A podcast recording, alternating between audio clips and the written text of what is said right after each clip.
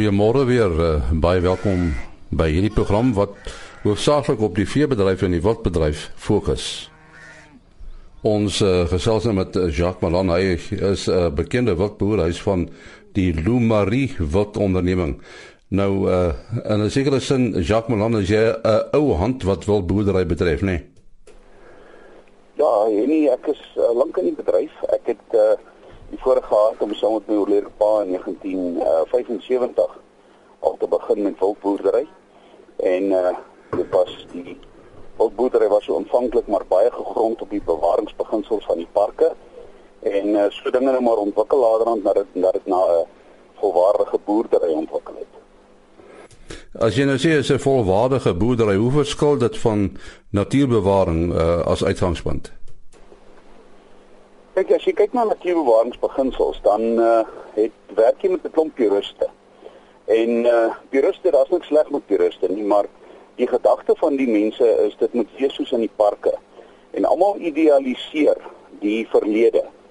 En almal wil graag hê dinge moet wees soos in die uh byvoorbeeld in die Kreerwildtuin waar elke dier sy reg het en geen dier het 'n waarde behalwe kamera waarde nie.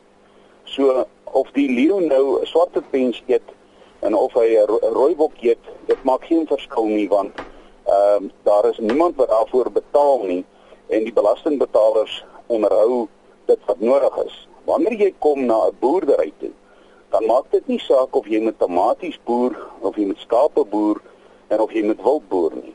Dan gaan dit oor ekonomiese beginsels. En as dit nie ekonomies volhoubaar is nie, dan moet die boer ongelukkig na die volgende produk oorskakel. Want die boer moet al sy uitgawes, hy moet sy kinders op skool hou, hy moet sy kinders op universiteit hou, hy moet sy bakkies se diesel ingooi uit die inkomste vanuit die boerderyproduk waarmee hy boer.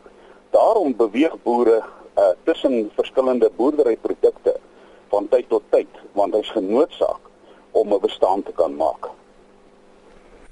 Mens kan nou dikwels die uh die idee dat 'n uh, boerdery is iets wat uh produkte produseer wat jy kan eet of wat jy kan dra. Hoe is dit met die wild gestel? Ag ek dink 'n mens moet 'n um, mens moet baie mooi kyk na hierdie geëet en gedrink en wat hy oor praat. Ek meen as jy nou kyk uh byvoorbeeld na ehm um, kom ons vat na die medisinale kant of ons vat na die uh parfuum kant waar jy byvoorbeeld lavandelas sou plant. Dit is boerdery.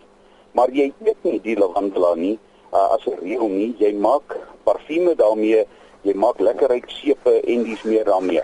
Maar die produk self wat jy plant, is 'n boerdery plant.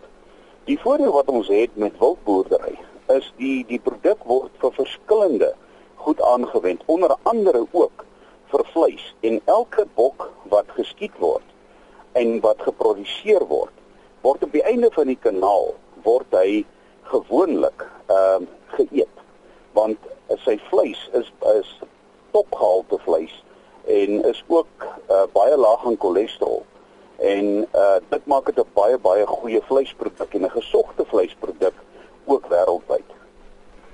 Hoe sou jy wildboerdery vergelyk met 'n gewone veeboerdery?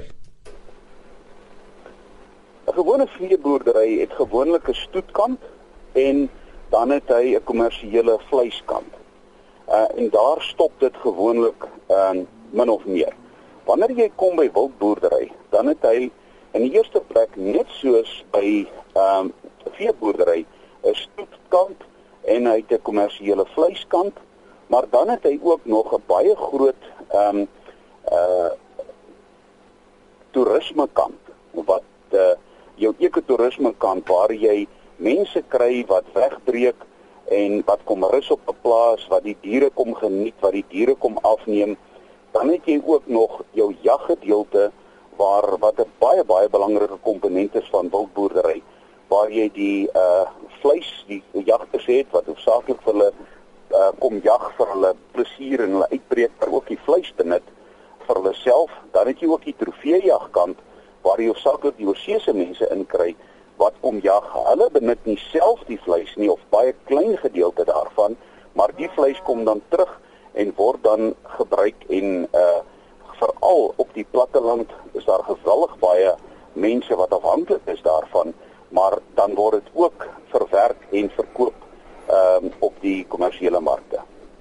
En dan ja, ander interessante aspek is die sogenaamde kleurvariante, né? Kleurvariante is 'n gewellige interessante gedeelte. Dit is baie mense maak die kleurvariante af as freaks en iets snaaks, maar dit is maar almal on, on, oningeligte mense. En uh, dit is eintlik 'n groot jammerte want jy weet as jy kyk in die kwekerybedryf, dan as jy 'n nuwe plant kry met 'n nuwe blom, so byvoorbeeld uh, jou kraanvoelblom, jou sterlitzia. Wanneer jy 'n geel sterlitzia kry, dan is dit iets verskrikliks en dan word sy naam gegee Mandela's Gold en almal is mal daaroor. As jy kyk na jou Barberton Daisy en jy kyk na sy verskillende kleure wat hy het en jy wat deesdae bekend staan as jou Gerbera, dan is dit 'n fantastiese plant en almal is baie gelukkig daaroor.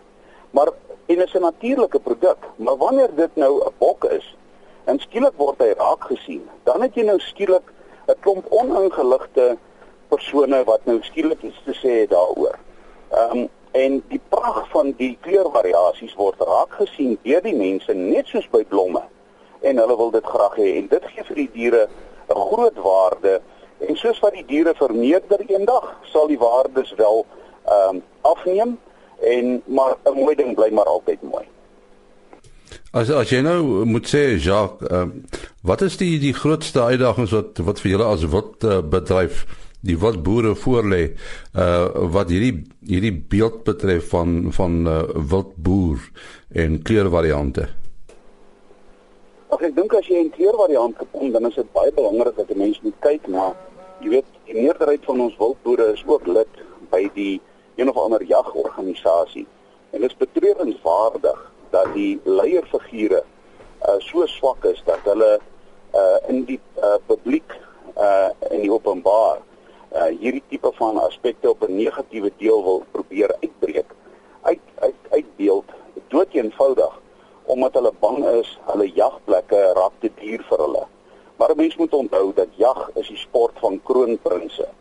So dit sal altyd deur beoefen word net soos wat dit in Engeland vandag verskriklik duur is om byvoorbeeld jou visantjagte te gaan doen maar die mense doen dit steeds op 'n baie groot skaal so dit is vir ons 'n uh, uitdaging om uh gesprekke te kan voer met hierdie uh persone en om hulle te kan beter inlig want as hy beter ingelig is dan uh sal hulle nie hierdie aantuigings maak nie so dit en dan het ons op uh regeringskant is dit vir ons baie belangrik om nou saam met hulle uh, te werk en ook om hulle in te lig. Jy weet mense uh, moet onthou dat baie van ons huidige regering uh se personeel het nie die geleenthede gehad om groot te word met wildboerdery nie. Daarom is dit vir ons baie belangrik om hierdie mense in te lig en op te lei oor wat aangaan in wildboerdery en uh om die staat ons vriend te maak en te hou en nie ons vyand nie. Dan verder is dit die die hoe sê hulle in Engels the proof is in the pudding en die die ehm um, die sukses en welvaart van die wildbedryf is aansteeklik. En die groot rede vir die groot sukses daarvan is dat daar suksesvolle sakemense in hierdie wildbedryf in is. En sukses steek sukses aan. En dit is hoekom daar 'n geweldige toename is in wildboerdery. Ja, jy het net nou gepraat dat uh, jag is uh, die sport van kroonprinse, maar uh, dit is ook so dat daar 'n persepsie geskep word dat uh, om met witte boer is ook vir kroonprinse want as jy mens kyk na hierdie uitskietpryse wat behaal word. Jy moet onthou dat uh, elke wildboer kan nie uitskieterprys bekostig nie. En dit is 'n absolute klein puntjie. Dit is net soos in die motormark. Daar is 'n baie baie min mense in Suid-Afrika wat 'n Rolls-Royce kan bekostig en wil bekostig. Net so is daar baie baie min mense in Suid-Afrika wat daardie uitskieterprys kan en sal betaal. So ek dink nie dit is ehm uh, uh, dit is enigstens uh, nodig om daaroor eers uit te brei nie want uh, en daar is ook mense in Suid-Afrika wat sy eie Boeing koop.